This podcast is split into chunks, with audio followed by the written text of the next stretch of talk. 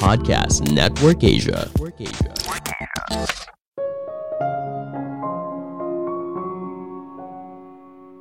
Di era sekarang, tidak semua masalah harus dicarikan solusi oleh seorang pemimpin. Dia hanyalah manusia biasa yang juga punya segudang kelemahan. Kolaborasi antar anggota tim justru lebih efektif dalam mencari solusi di dunia modern. Halo semuanya, nama saya Michael. Selamat datang di podcast saya, Sikutu Buku. Kali ini saya akan bahas kalau pemimpin itu bisa saja bukan merupakan atasan bawahan, tapi anggota tim saling pengaruhi dan membantu satu sama lain. Ini merupakan rangkuman dari video TED Talk Git Frederickson yang berjudul Great Leadership is a Network, Not a Hierarchy dan diolah dari berbagai sumber. Apa itu pemimpin? Mungkin kita terbiasa melihat pemimpin itu artinya satu orang yang memegang kendali atas segalanya. Bagaimana jika ada jenis pemimpin yang lain? Bagaimana jika pemimpin itu tidak hanya satu orang, tapi banyak orang? Mungkin sekilas kita pikir kalau yang terjadi malah kekacauan.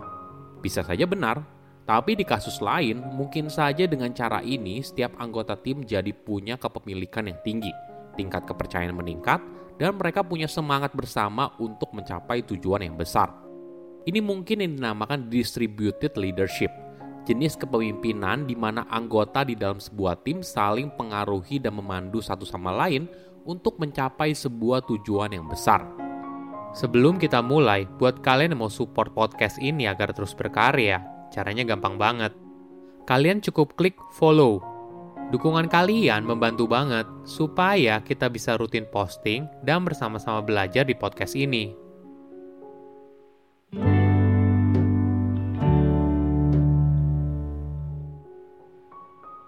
Era modern tentunya butuh cara yang baru di era sekarang, sukses memimpin perusahaan tidak lagi bergantung pada strategi 30 tahun atau bahkan strategi 5 hingga 10 tahun.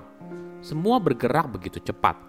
Disrupsi teknologi, krisis ekonomi, dan sebagainya memaksa kita harus mencoba cara yang baru. Perusahaan perlu mengadopsi mindset yang baru. Jika bicara soal kepemimpinan, anggapan umumnya adalah bagian organisasi yang bentuknya hierarki – Siapa yang berada di atas lalu punya bawahan dan bawahan yang punya bawahan lagi. Pilihannya entah kamu yang jadi pemimpin atau tidak. Mayoritas orang tentu saja dipimpin oleh orang lain. Alhasil banyak orang cenderung pasif dan membiarkan orang lain yang ada di atasnya untuk mengambil alih. Model ini umum terjadi di mana-mana dan hampir berada di setiap organisasi kecil maupun besar. Komunikasi bergerak dari atas ke bawah seperti garis lurus dan keputusan diserahkan kepada satu orang, si pemimpin.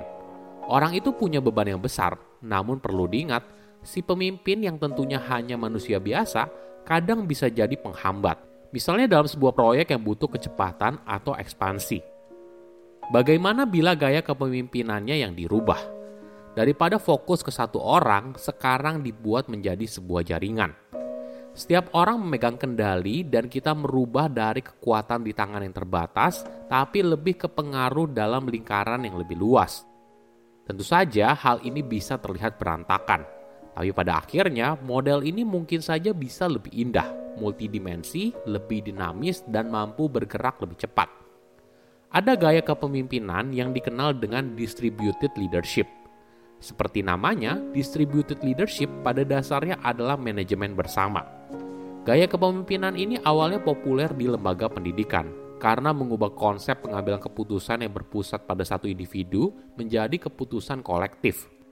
Mungkin di era lama kita masih bisa bergantung pada satu orang untuk memutuskan segala hal.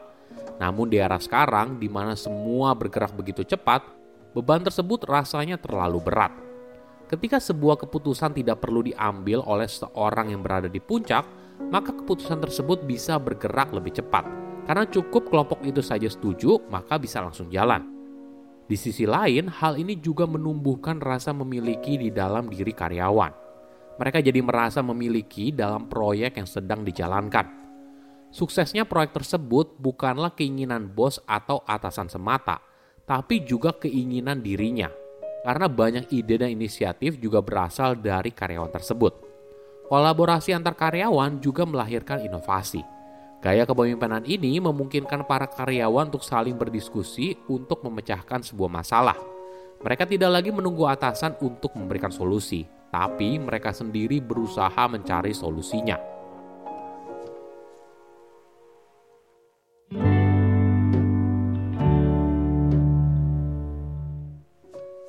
Gimana caranya? Mungkin yang pertama adalah kita harus menghilangkan label.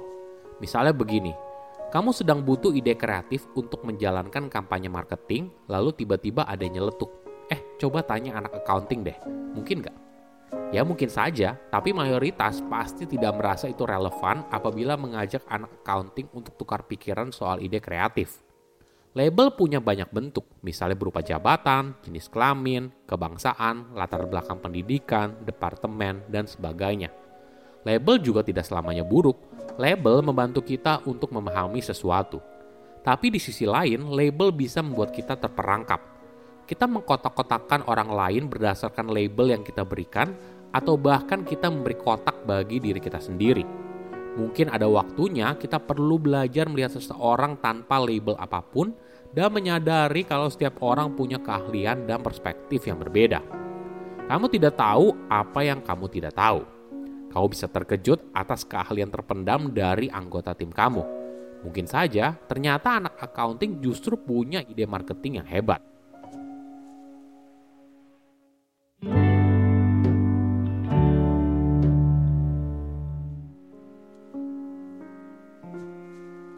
Nah, kalau kamu sudah melepaskan semua label, maka selanjutnya adalah kalian harus berbagi. Di era modern, kita boleh dibilang sudah terbiasa berbagi berbagi kendaraan dengan orang asing, misalnya dengan ride hailing app. Bahkan kita berani tinggal di tempat orang asing, misalnya melalui couchsurfing atau Airbnb. Namun, jika berhubungan dengan pekerjaan, kita masih sering kali menyimpan semua informasi hanya untuk diri kita sendiri. Alhasil, banyak sekali terjadi miskomunikasi dan mengulang pekerjaan yang sama. Padahal ketika kamu berbagi, fokusnya tidak lagi komunikasi pribadi, tapi komunikasi kelompok di mana kalian bisa bersama-sama menyelesaikan sebuah masalah yang kompleks. Coba bayangkan situasi ini. Sebuah tim sedang mengerjakan sebuah proyek bersama. Ani sedang membuat kompilasi data tapi dia sedang stuck. Lalu dia bertanya kepada anggota tim yang lain, Eh, kalian ada yang punya data ini nggak? Si Andi lalu menjawab, ada nih kurang lebih mirip datanya. Angel lalu bilang, kayaknya tahun lalu kita pernah ngerjain deh, coba lihat ini deh.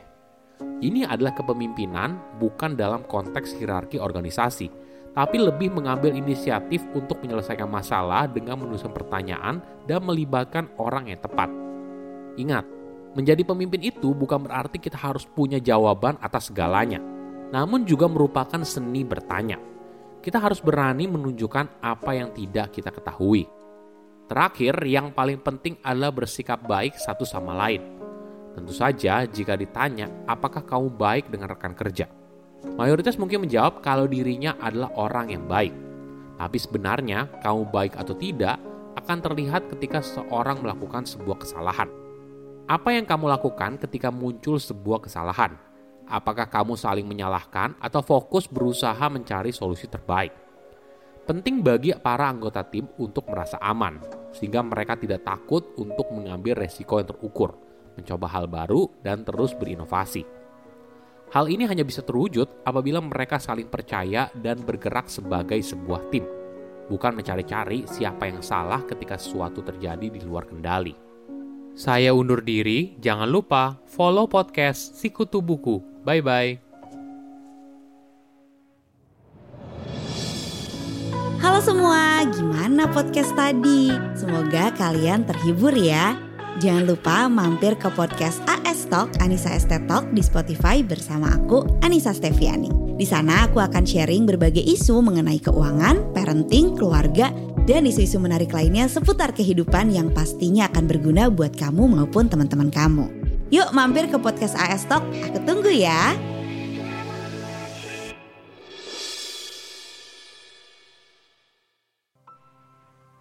Pandangan dan opini yang disampaikan oleh kreator podcast, host, dan tamu tidak mencerminkan kebijakan resmi dan bagian dari podcast Network Asia.